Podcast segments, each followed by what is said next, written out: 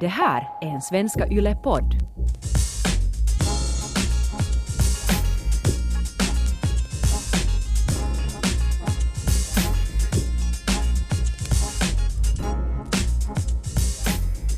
Egentligen borde det här poddavsnittet lite nog inledas med fanfarer eftersom det är nummer 50 i ordningen, men eftersom Krisu Vuojärvi saknas så vägrar jag, Antti Koivukangas, att fira i min broders frånvaro. Krisu, eh, fortsättningsvis på en välförtjänt semester efter VM-äventyret i Seefeld och därav så fortsätter vi med lite annorlunda bemanning. En bekant filur och en ny har vi bjudit in till studion den här veckan för att prata om det finländska EM-kvalet som kör igång på lördag i äh, Italien på bortaplan uh, vad ska vi kalla dig för, en, en, en, en återfallsförbrytare, Kristoffer Herbert Ylesporten? så gärna så. Det är ett epitet jag tar emot med öppna armar. Och du var dessutom med under det första avsnittet, så det är ju vackert att du då på något sätt poetiskt är med också i nummer 50. Och några av de 48 däremellan va? Dessutom, fantastiskt. Du är nog stamkund. Du får liksom sån här frequent flyer mileage varje gång du är med. Det ser vi till. Men som ny filur är med i podden idag, en poddveteran får vi väl kalla honom också, men från en annan podd. Han är känd som eh, fotbollsskribent under många, långa år, men ekonomijournalist väl i grund och botten. Vi säger hej och välkommen till Fotbollspoddens Sören Bäck från Österbottens Tidning. Ja, tack ska du ha. Ja, nej, men, eh, ja, faktiskt eh, examen har jag nationalekonomi och skriver liksom ekonomisk infallsvinkel i olika ämnen, bland annat fotboll. Då. Jag försöker ju gärna lägga in då fotbollen i en samhällelig kontext på det sättet. Så det har kanske varit, varit min grej lite från första början. Ni har poddat ganska länge. Ni har ju poddat faktiskt längre än uh, bara jag och Krisu. Ja, vi ligger, nog, vi ligger nog långt över 50. Vi ligger närmare 100 faktiskt. Så, så att det här, vi brukar då, jag, jag och Björn Bredbacka brukar vara det här stå, som oftast kör och så ibland har vi inbjudna gäster då som vi har haft haft genom åren med, med, med Eremenko senior och junior har ju varit de här mm, kanske mest lyssnade avsnitten men, men också sådana som Skrabb och Emmet och det här, ja, olika profiler här, här runt. Att Niklas Tjechov var här alldeles nyligen här, här i slutet på förra året. Mm. Ja, nej, det hettar ju till nu när fotbollssäsongen här på hemmaplan närmar sig, så man kan räkna med att det blir mera frekvens på avsnitten också när fotbollspodden så och säsongen vara, rullar igång. Så brukar det vara, ja. Det brukar inte vara, vi brukar nästan ha, ha, ha varje vecka här under, under säsongens gång, men, men, men under, under vinterhalvåret så är det mer, mera sporadiskt. Vi pratar inte om den inhemska fotbollssäsongen i det här poddavsnittet nummer 50 av Yllesportens podd, utan vi fokuserar blott enbart och exklusivt på herrlandslagets stundande EM-kvaläventyr.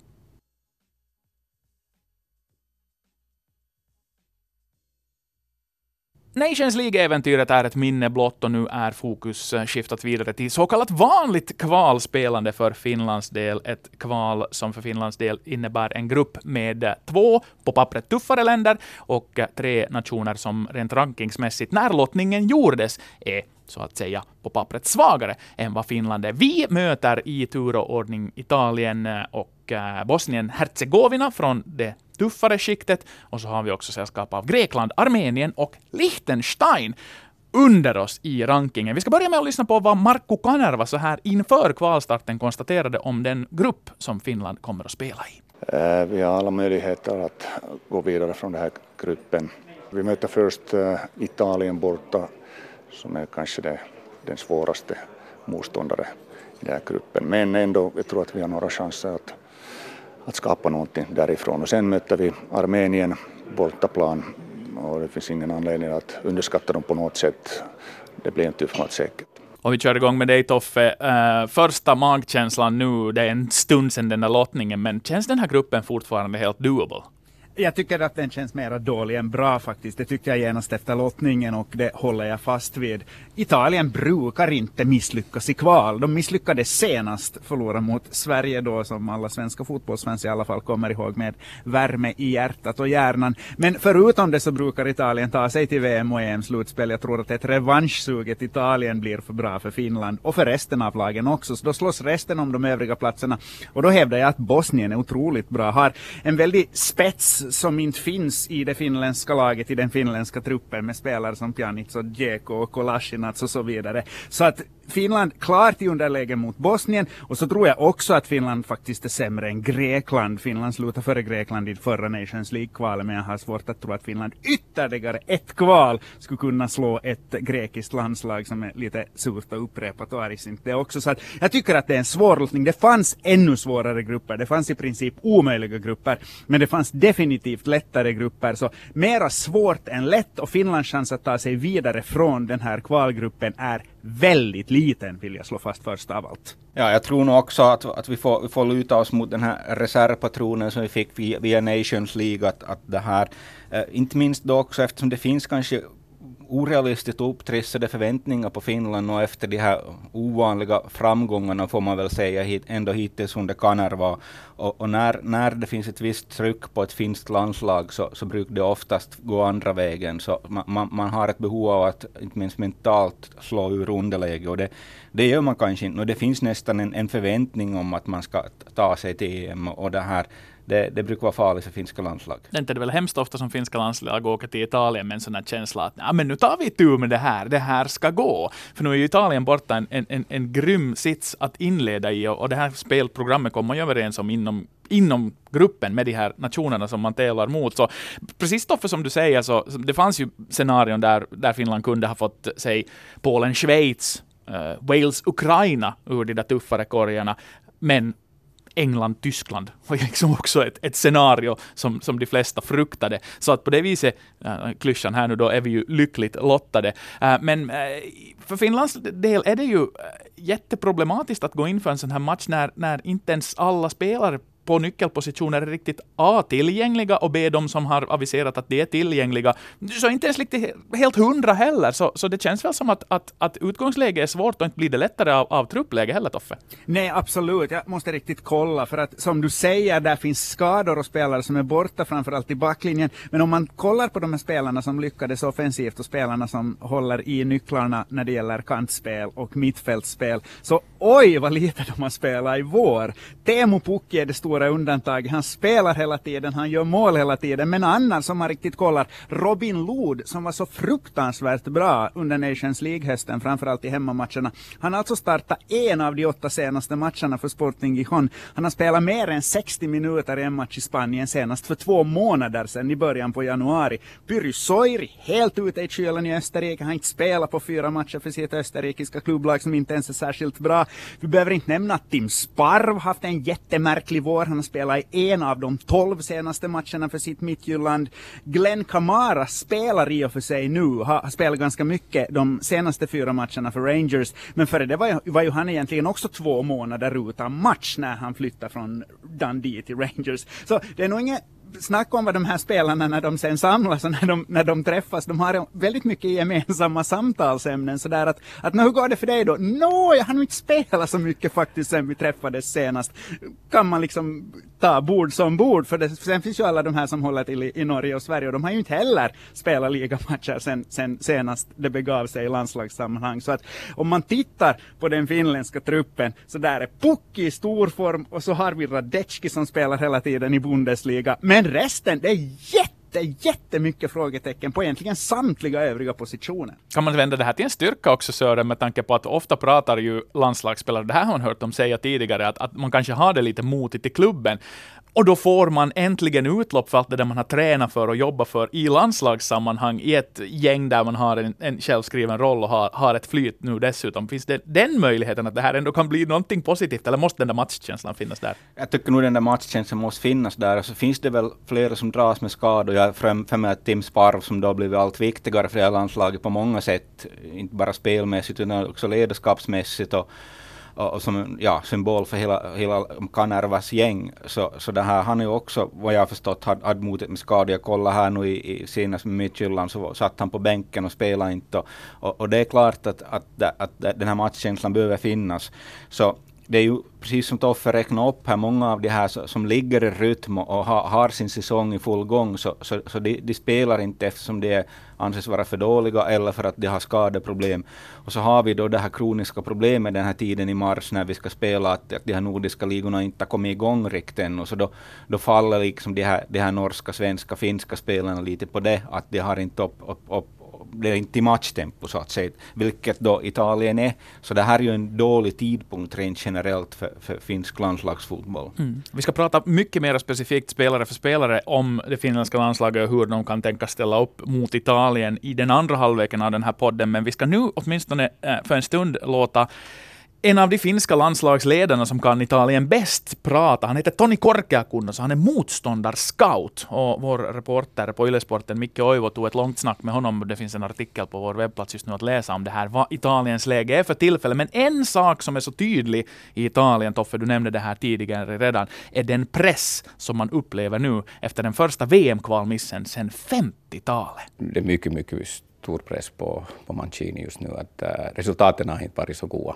Liksom att, äh, just de här senaste sex matcherna har de gjort fem mål och de har vunnit två matcher. Och det, det är stor press. Och äh, det, de hade ju en sån här extra läge. Det, ganska, det, det händer inte så ofta. Att, äh, liksom, äh, utanför de här Fifa-dagarna var, var Italiens nationallaget i, i Conversione, deras träningscenter för två, tre dagar.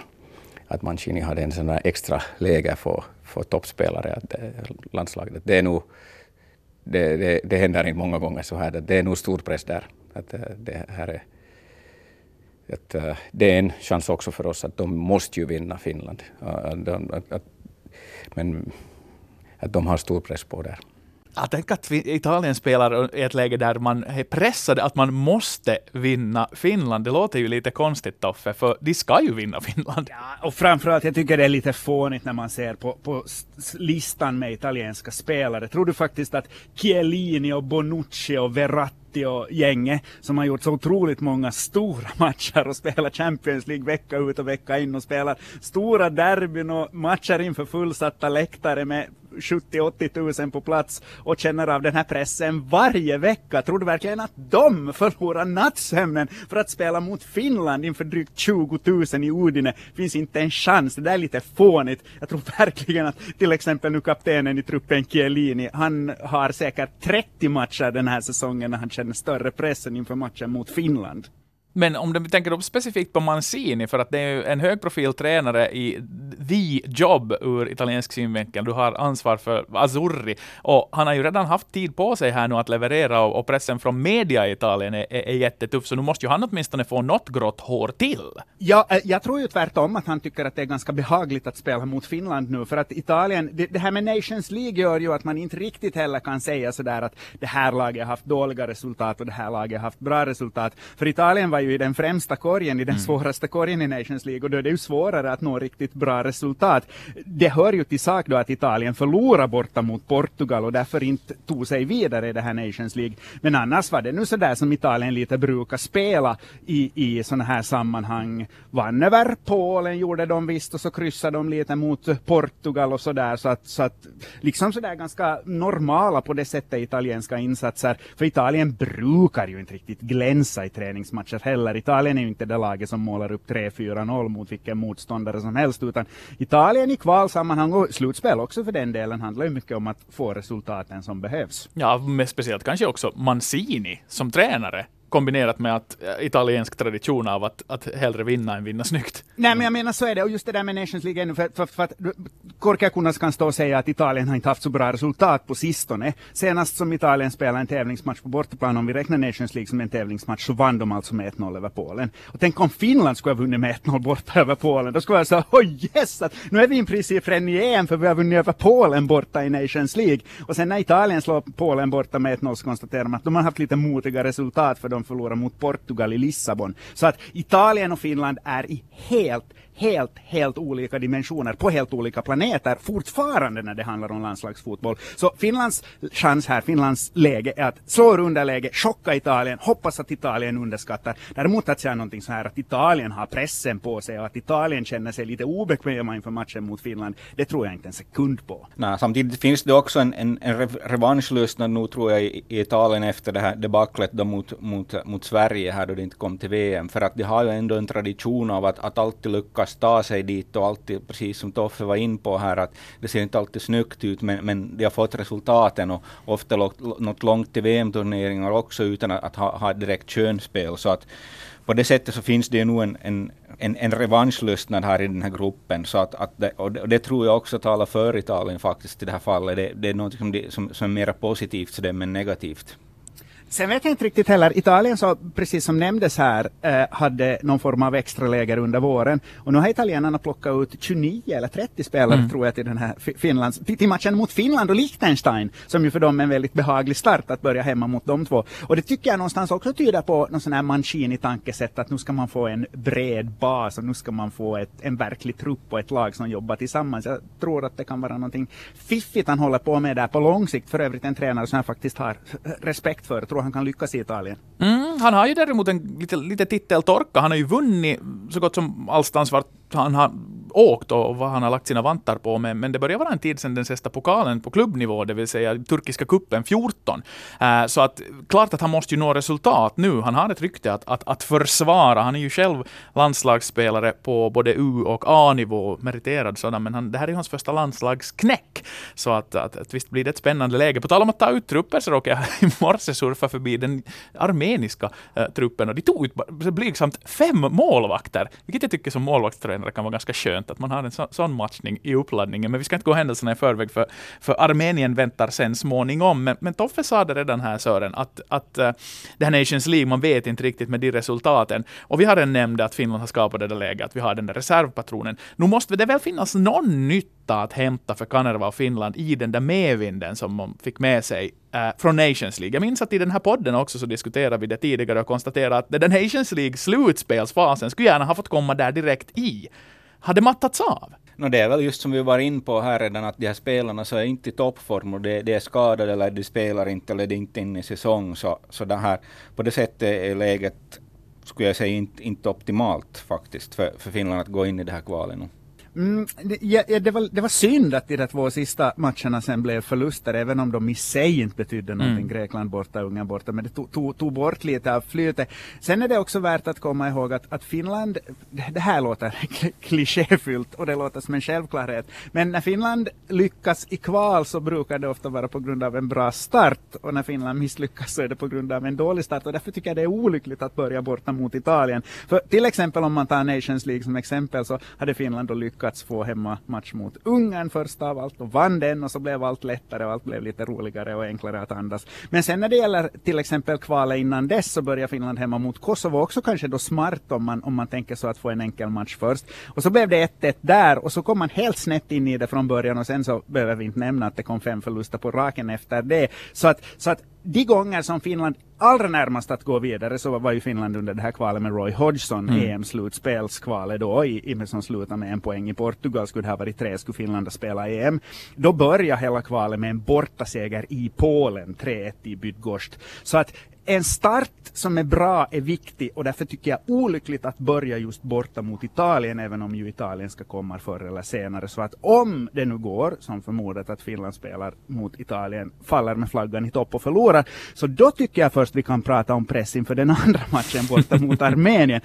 då är liksom den här pressen som Italien känner på sig med kvalet som helhet, första matchen mot Finland, då är den ingenting mot ett finländskt lag som åker till Armenien och nästan någonstans känner att nu måste vi ha minst en poäng med oss, för annars blir det här helt hemskt. Mm. Ja, man kan ju vända, vända och vrida på det här på många olika sätt. Samtidigt om det finns en anspänning att inleda ett kval så, så finns det ju inte den här pressen. Ingen kräver ju att Finland ska få en sen poäng borta mot Italien här nu, utan för även om man förlorar så är det ju inget fiasko på det sättet. Så på, på det sättet så får man bort den, här, den, den, den matchen på det sättet. Om, om det är som det här Kosovo då, att det är lite, lite sådär att man måste vinna matcher, då det, ja, det är ju alltid det är, ett, det är ett svårare utgångsläge på många sätt, att, mm. i den mån det finns en anspänning från början. Ja. Om man räknar med Finlands inledning på det där förra kvalet som du Toffe nämnde där, så hade vi ju faktiskt fyra poäng efter två gånger 90 minuter, men det var ju synd att de spelade sen lite tilläggstid där på Island. Så att det här. Vi har alltså en kvalstart på kommande. Det är lördag, tisdag det handlar om. Det är bortamatcher och det är Finland på resande fot mot ett stenhårt Italien och mot ett helt gångbart Armenien. Och nu ska vi i den andra halvleken av Yle-sportens podd KU Kangas Vuojärvi minus Vuojärvi den här veckan fokusera på spelare för spelare och hur det hela ska gå till.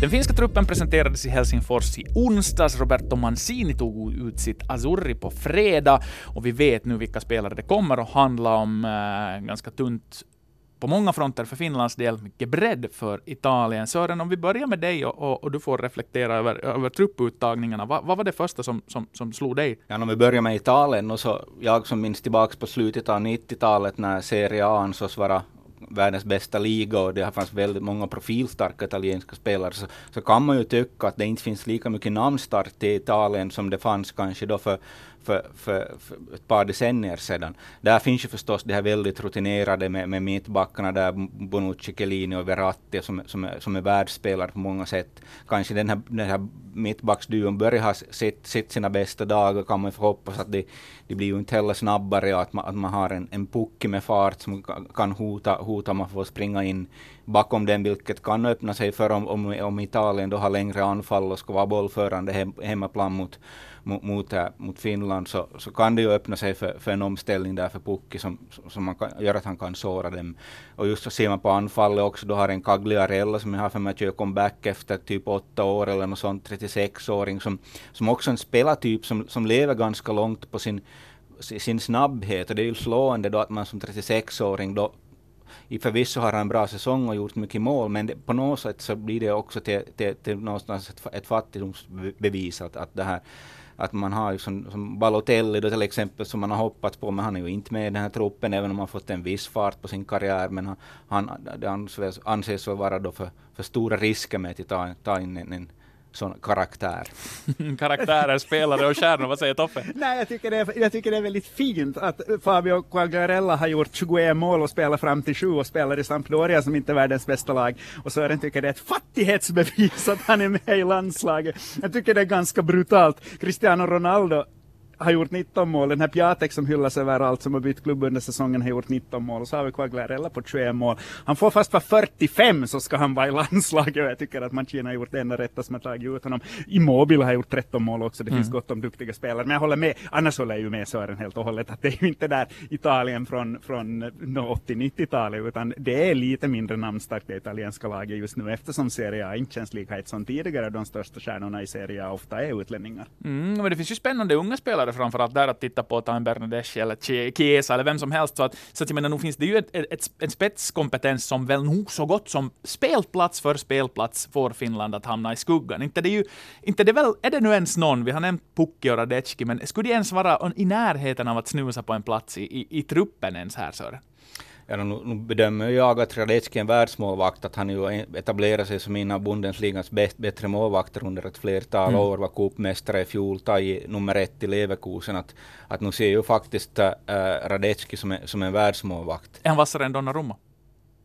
Ja, då, det, det vill jag väl kanske inte bedöma direkt, men, men det här, jag, jag tycker att, att, äh, att han, han, han kunde göra anspråk på en plats i Italien. Mm det, det, det skulle jag säga.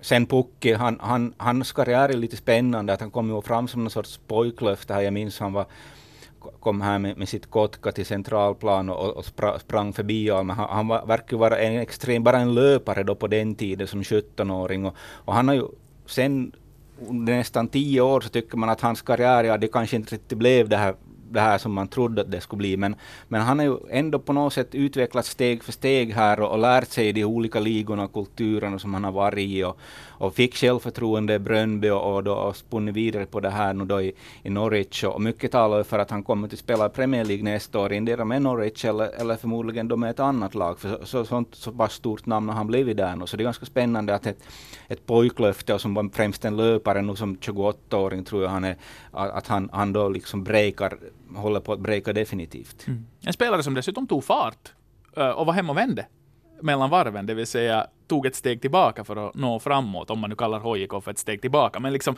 eh, fascinerande story. Men Toffe, äh, har vi någon, någon, någon som kan göra anspråk på, på den där platsen? Nej, jag skulle inte säga det faktiskt. Tyckte det var kul att du nämnde denna Bernadeschi också. Jösses, då han stack iväg mot Atletico Madrid, om ni såg den mm. matchen i Champions League. Vilken fart! Också det italienska laget, de har tagit ut 29 spelare, så gör att de på varje position har debutanter, unga spelare som inte har spelat i landslaget tidigare. Det är ett ganska bra sätt att slussa in dem också. Till exempel den här Moise Kean, bara 19 år, italienare från, från Juventus då, eller italienare självklart, anfallsspelare från Juventus, som var med och spelade den här juniorturneringen UEM i Vasa och Seinejoki. Vi kan kalla honom för Seinejoki-bekantingen. ja, precis. Och Nicolo Saniolo, också 19 år med då. De är med nu i den här 29-mannatruppen, så det finns liksom ett sätt att slussa in unga spelare nu, ett sånt här tankesätt som, som då säkert kommer av det som som Sören har nämnt, att det ser lite ålderstiget ut på sina håll. De här yttrarna bör ju inte heller vara speciellt vassa för att det blir ett problem för, för Finlands ytterbackar, för där, där har vi ju verkligt stora problem. Den här högerbackspositionen är ju länge ansetts vara en akilleshäl och nu är det ju Granlund som förmodligen går in där. Det finns väl egentligen inte alternativ, men han är också inte inne i säsongen och, och, och på vänsterkanten har man ju faktiskt varit vass. Jag ser ju Uronen som en, som en bra etablerad internationell spelare, men han måste ju tyvärr dra sig ur på grund av skador. Så så anser ju också att, att man, har, man har ett vasst alternativ i Raitala, men då är också han skadad. Så att, att men Raitala var ju annars en spelare som var med i den här Kanervas U21-trupp som spelade då i Sverige i tiden och då var han ju väldigt bra. Då var han ju underårig, han var ju yngre än, än de flesta andra där. Och, och, och det här, och då, så, det såg ut att få en väldigt bra karriär. Han har ju inte riktigt blommat ut på det sättet som man skulle kunna tro i det skedet, men, men i alla fall så, så är han ett, ett bra reservalternativ till Oronen. Så nu blir det förmodligen då Pirinen som jag, som jag inte som jag tycker inte har speciellt bra spelförståelse, inte, kanske inte speciellt bra beröring, äh, blir lätt stressad när han får press äh, i det här internationella tempot. Så ja, de här ytterbacksplatserna så, så, så, så, är, så är ju faktiskt stora frågetecken för Finland. Sören för oss Toffe in smidigt på den här finska problematiken just nu, äh, då du får bygga backlinjen nu. Nej, inte får du, du måste. Så hur formerar du the back four? Nej, alltså jag är faktiskt på Sörens linje och jag, jag, jag, ty jag tycker att den brutala sågningen av Juha Pirinen var, var lite festlig. Alltså, givetvis Radetski i mål och så sen kan man ju tänka sig att eftersom Finland har lite alternativ på mittbackspositionen, Thomas Lam till exempel, att man skulle kunna splittra det här mittbacksparet, men det tror jag inte han gör och mm. det tycker jag inte är smart heller. Så det vill säga Arajuri och Toivio som mittbackar och då är det exakt de namnen som Sören nämner som också för mig är ytterbackar borta mot Italien i starten på ett kval, det vill säga Albin Granlund och Juha Pirinen och hur ska det då sluta? Sen om vi, om vi tittar längre framåt så kanske trots allt i alla fall Lod och Soiri på yttrarna med tanke på att de var så mm. bra i höstas. På mittfältet så tycker jag att Glenn Kamara är given. Sen hänger det ju lite på hur Sparv mår och hur Sparv har det. Men så lite som han har spelat på sistone så kanske då ändå Rasmus Schüller som andra mittfältare. Pukki given på topp och då är frågan vem han har med sig. Jag skulle gärna se Petteri Forsell men jag undrar om det till och med inte kan bli Kasper Hämäläinen när han finns med i truppen på mm. Det är de här diskussionerna det handlar om. Sören, hur låter den här kartningen av Finlands 4-4-2 för dig? Uh, jag, alltså Kanerva är ju, är ju inte den stora förändringarnas man, utan han gillar kontinuitet och, och även om du, du inte har formstart där på, på Ludo och Soiri så, så tror jag att de kommer till spela. Uh, om, om Spar bara kan spela så kommer han till spela, det är ju inte säkert att han kan, han har ju inte gjort det på jättelänge. Uh, då har ju Kauko varit det här reservalternativet ganska ofta. Mm. Han har ju varit oantat målfall. Jag tror han aldrig gjort så mycket mål som han har gjort i år och, och gör mål nästan varje match och tycks ändå etablera sig i den här danska ligan och han är i säsong. Så han verkar en av de här få, få liksom som, som är formstarka, kanske mer formstarka än någonsin. Så, så, det här. så han, han skulle kunna vara en möjlighet. Då Schüller är just och just kommit igång också med sin säsong. Så att att det här, jag, jag skulle inte vara helt förvånad om Kauko skulle, skulle hoppa in här på no, om, om det här, om, om Sparv inte kan spela. Det, det, det, det, det är möjligt. Sen då det gäller det här mittbacken så det har varit oro, oro, oroväckande uppgifter det kommit också om att Arajuri skulle ha skadeproblem. Nu så är att han spelar här i mm, helgen, mm, vilket då var, mm. var, var, var, bra förstås, för han är oerhört viktig också som ledartyp och bra duellspelare som i, i den här mittbackskonstellationen här, om det alls ska hålla ihop. Annars är ju då Lam då i, i första hand, ser jag som ersätter jag eh, Sauli Väisänen har väl inte spelat speciellt mycket, han har tror jag haft skadeproblem. Uh, hans lillebror känns som känns Som en lillebror. Som, som lite för tidigt i det här skedet att, att Italien borta i det här läget. Jag, jag, jag, ja, så, så jag tror inte, det, det, finns inte speciellt många alternativ i försvarslinjen. Man, bo, man borde ju, det talades ju om att man skulle komplettera med ett par spelare. Mm. Äh, möjligen kan Simon Skrabb vara en av dem, men han är ju inte försvarsspelare. Men man, man skulle vilja ha mer alternativ, äh, framförallt på de ytterbacksplatserna mm. då. Men vem, vem är det? Ja, speciellt med tanke på den stundande resan till Järvan som ju vidtar direkt efter att det är 90 minuter spelat i Odine. Så att jag menar någonstans, eh, vi bandar alltså in den här podden på måndag förmiddag, så när du lyssnar den, på den här, var du än må befinna dig, så kanske den uttagningen redan har skett. Men Toffe, du ville säga någonting? Nej, jag tänkte bara säga att ett alternativ på ytterback, ytterbackspositionen om man riktigt letar så lär vara Robert Taylor som ja. lär ska spela wingback i Norge, Tromsö. Så det är då liksom ett alternativ, men att det, det är igen väldigt oprövat jämfört med de andra namnen som mm. kastas runt. Vi nämner spelare som är skadade och har skadekänningar. Vi nämner spelare som är skadade och har skadekänningar och spelar 90 minuter och som är inne i matchform. Och nu måste vi ju nämna Roman Jeremenko. Sören, du är väl insatt uh, i uh, alla takter kring familjen Jeremenko sedan många och långa år tillbaka. Uh, MTV har redan gått ut med nyheten att han är med. Han var inte med. Sen är han med och spelar i helgen, målskytt. Det är en märklig historia, men han är inte 100% sägs det och därför ska han få vila under den här landslagspausen. Uh, your take, Case ja, Jeremenko? Ja, alltså han är ju nog alltså, tränat extremt hårt inför den här comebacken och, och det är klart att det, det sätter sina spår när man har varit bort i två år då från, från, från matcher och, och, och det här, att, att han bara tränar i princip på egen hand. Så, så det här, uh, och jag, han har ju haft problem med den här höftböjaren och nu, nu förstår jag det här argumenten att han, att han, att han, han har spelat liksom han, han har spelat fast han har varit halvskadad ganska länge och, och det här, han hade väl redan under det här Moskva-tiden så, så hade han de här känningarna. Så att, att nu, nu förstår jag att, att, att, att göra den comebacken då i det här läget så, så, så, så är kanske inte det, det, mest, det bästa. Det var ju hela tiden också tal om att, att han skulle vara liksom, gå in och, förstärka laget och, och vara, vara i skick. Och, och om inte han är det, nu har vi förstås som vi har sett här en lång lista på, på spelare som säkert har ha, ha sam, liknande frågetecken som, som, som, som Roman då till exempel då Tim Sparv som, som inte heller är, men, men han har ju han har ju en mera gjuten position i laget och mm. han, han, har, han, han han har ju alla andra roller i det här laget, det är strikt spelmässiga också. Han är ju också en ledare på många sätt och lagkapten i truppen. Och, yes. så, så att nu förstår jag då att Farve är med och inte Roman från, från det perspektivet. Mm. Vad säger du Toffe? Nej, alltså, jag, jag, tycker först och främst, så den här frågan, jag har inget svar på den här frågan själv, men jag tycker att den kanske borde debatteras. Skall Roman Jeremenko representera ett finländskt landslag innan han har förklarat vad som hände, innan han har gjort någon form av avbön, innan han har bett om ursäkt, innan han ens har kommenterat det här, mm. gett intervjuer om det här. Det tycker jag är en principiellt intressant fråga. Sen så tycker jag det viktigaste när Roman Jeremenko kom med i landslagsgruppen igen, så var att det inte skulle bli ett snack, att det inte skulle bli någon form av sån här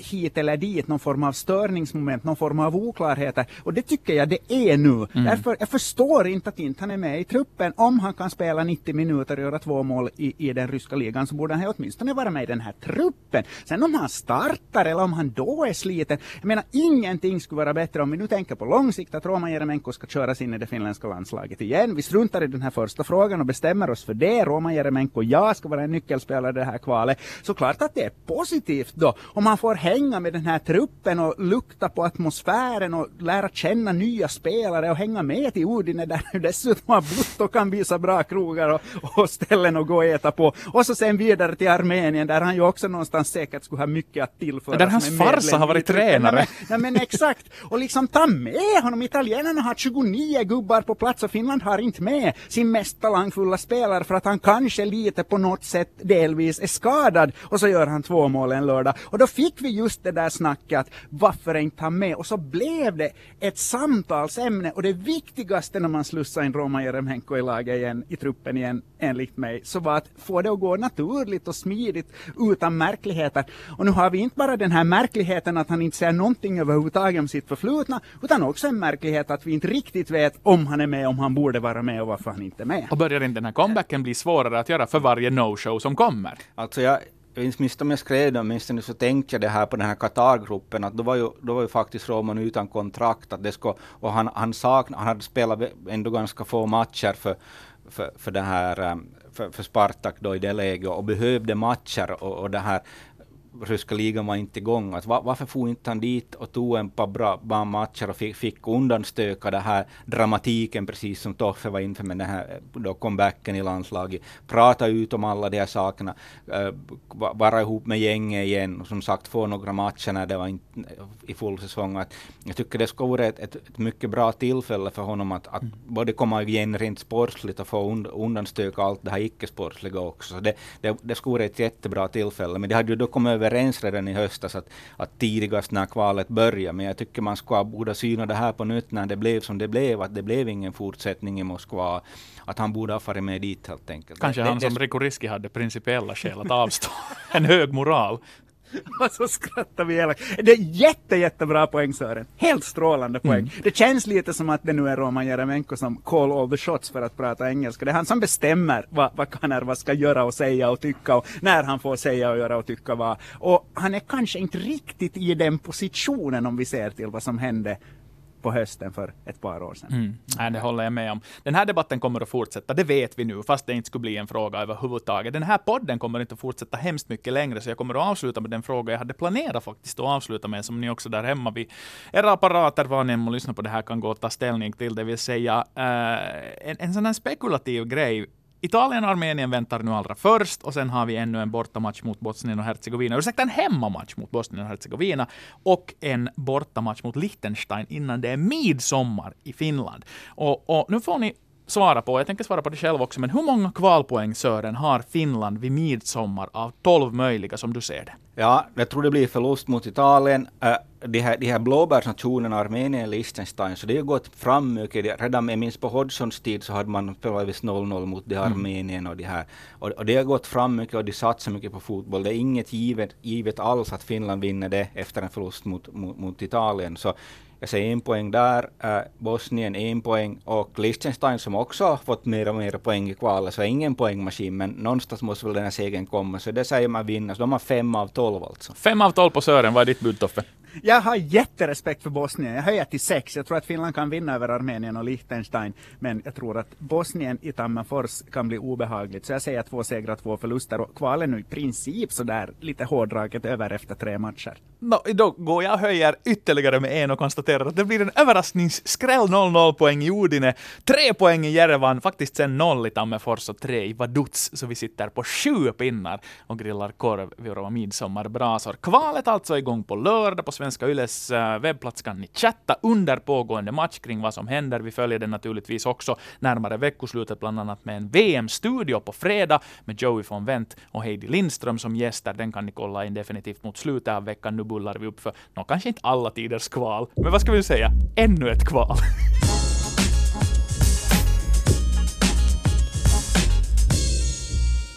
I den tredje halvleken av Sportens podd är det som vanligt dags för tre snabba frågor, tre snabba svar. Jag börjar helt kallt och konstaterar att det idag är Edvards namnsdag. Och då får det mig att ställa frågan, vem eller vilken Edward, Ed, Eddie, vad som helst, är er favorit Edward genom tiderna? Mr MBE, han har faktiskt blivit adlad också. Edward Paul Sheringham. Teddy Sheringham heter Edward. Lätt min favorit no, Edward faktiskt. genom tiderna. Inte helt otippat heller. Sören?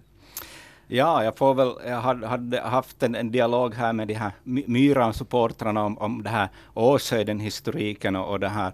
Här hade vi Edvard Engmark som var den här, den här, den här givna stora målskytten, deras, deras Chelsea Swackhammer om man så vill. Så, så vi, vi, tar Edvard Engmark. Då. Ja, ja, jag måste bara säga att min favorit Jorma är definitivt Jorma Engmark.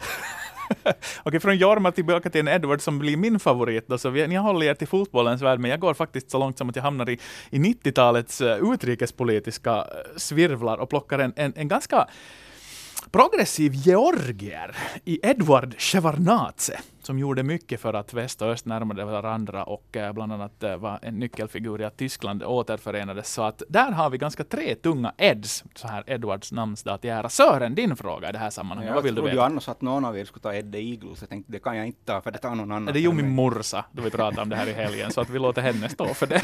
Men din fråga Toffe? Äh, Sören?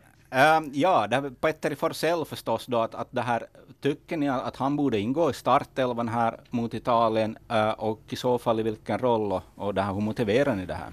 Om jag börjar så säger jag, jag tycker inte att han ska starta. Inte i Italien så som Finland spelar nu. Det ska vara Kamara plus någon spelartyp av hans motsvarighet som gör det där viktigare centrala jobbet så ska det finnas en släpande forward som tillför mera löpstyrka och tempo från start och då tänker jag kanske just nu på Kasper Hämäläinen. Men däremot med hans målform just nu så är han ett alternativ från bänken och om Kanerva skulle ha det i sig att kasta fram någon form av alternativ spelidé, vilket lite känns avlägset, så som det också har konstaterats här just nu i den här podden, så, så tycker jag han ska kunna vara en startspelare i matcher mot de på pappret svagare lagen där Finland förväntas ha lite mera boll. Men som svar direkt på din fråga, nej, han ska inte starta i Italien. Toffen.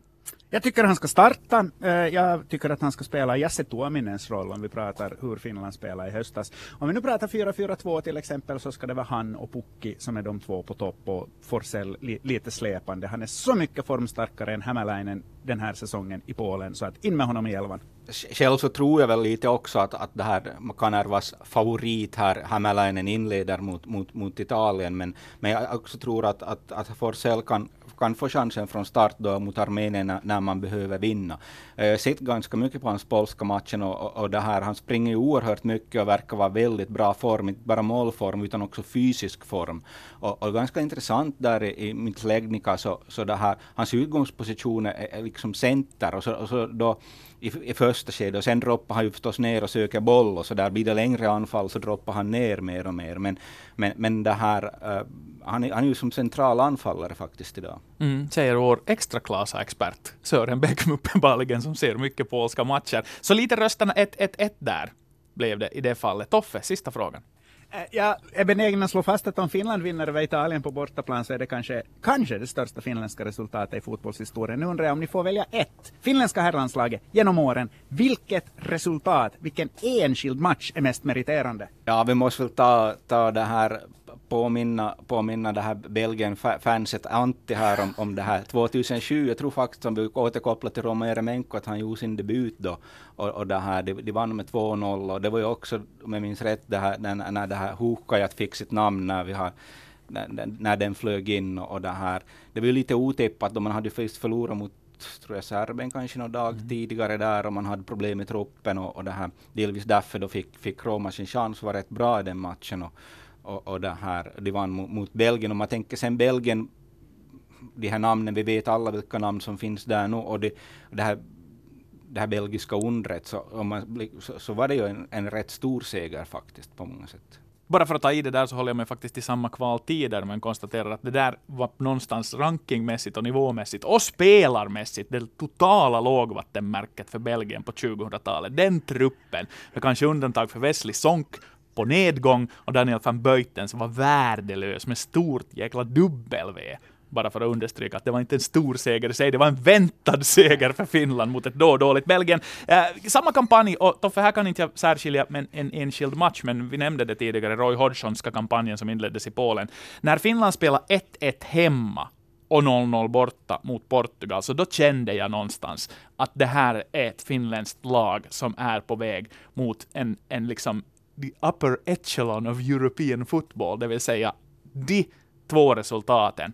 Uh, jag vill minnas att vi ledde dessutom hemma mot Portugal, Jonathan Johansson målskytt, och sen kvitterat. Och sen den där 0-0 matchen Men var inte frågan segrar, då räcker det inte med oavgjort. Nej, jag, jag, jag är pragmatisk och konstaterar resultat. Resultat. Och då kändes de resultaten som någonting riktigt, riktigt stort. För, för jag tyckte ju alltså det var hemskt roligt, väldigt roligt att se Finland med Morinen där när de spelade mot Tyskland och det här och de ledde de här matcherna mm. ända till slutet men så, så tappar man ju då mm. typ, ja, på typiskt finländskt sätt på, i slutminuterna, de, de här ledningarna och Holland spelar man bra mot mm. starka mm. lag. Tjeckien, Toffe ja, minns det säkert men, riktigt men, bra. Men, det blev ju inte segrar, så det, alltså inte var, inte, undret i Hion var ju inte heller en seger. så Nej, men, men Toffes fråga var formulerad som starkaste resultat. Ja. Så här drar jag mig till minnes den exakta formuleringen och, ja, och gömmer mig bakom den. Exakt så var det. Så 0-0 i Gelsenkirchen och 1-1 i Gijon är godkända svar, men jag vill också ha en trepoängare, så därför säger jag själv 1998 Istanbul, Turkiet, Finland 1-3, Miksu Paatelainen, Jonathan Johansson och Jari Litmanen. Ja, och, och en stenad Ylesporten-reporter om jag minns helt Och det här fel. var på tiden när det kändes hemskt att åka till Turkiet, när det liksom var sådär att vad hände på läktarplats? Och Turkiet var inte alls särskilt dåliga då, det var inte långt efter det här egentligen som de tog sig till VM, semifinal i semi, VM. mm, exakt, och sen en, en semifinal i EM dessutom några år senare. Vad har hänt med Turkiet? Nå, det är en helt annan podd. Uh, nu börjar klockan vara vid det läge på den här måndagsförmiddagen vad Yle-sportens sport beträffar att det är dags att säga tack för sällskapet till Sören Bäck. Tack. Dig hör vi säkert i poddsammanhang igen på ÖTs sidor när det drar ihop sig mera till fotbollsliga-säsong och division till 1 och det här här. inom snar framtid, ja. Fantastiskt, det ser vi fram emot. Och Toffe, dig, om nu alla tecken håller måttet, så hör vi snart säkert i en Yle-sportens podd också. Kanske till och med nästa måndag, va? Hade vi kommit överens om det redan? 51, jag ska till Udine här emellan helt bara på en privatresa så jag ger jättegärna en rapport om en vecka om jag får. Lysande, det ser vi fram emot. Yle-sportens podd avsnitt 50, kan ni tänka er, finns som vanligt på arenan, Spotify och iTunes.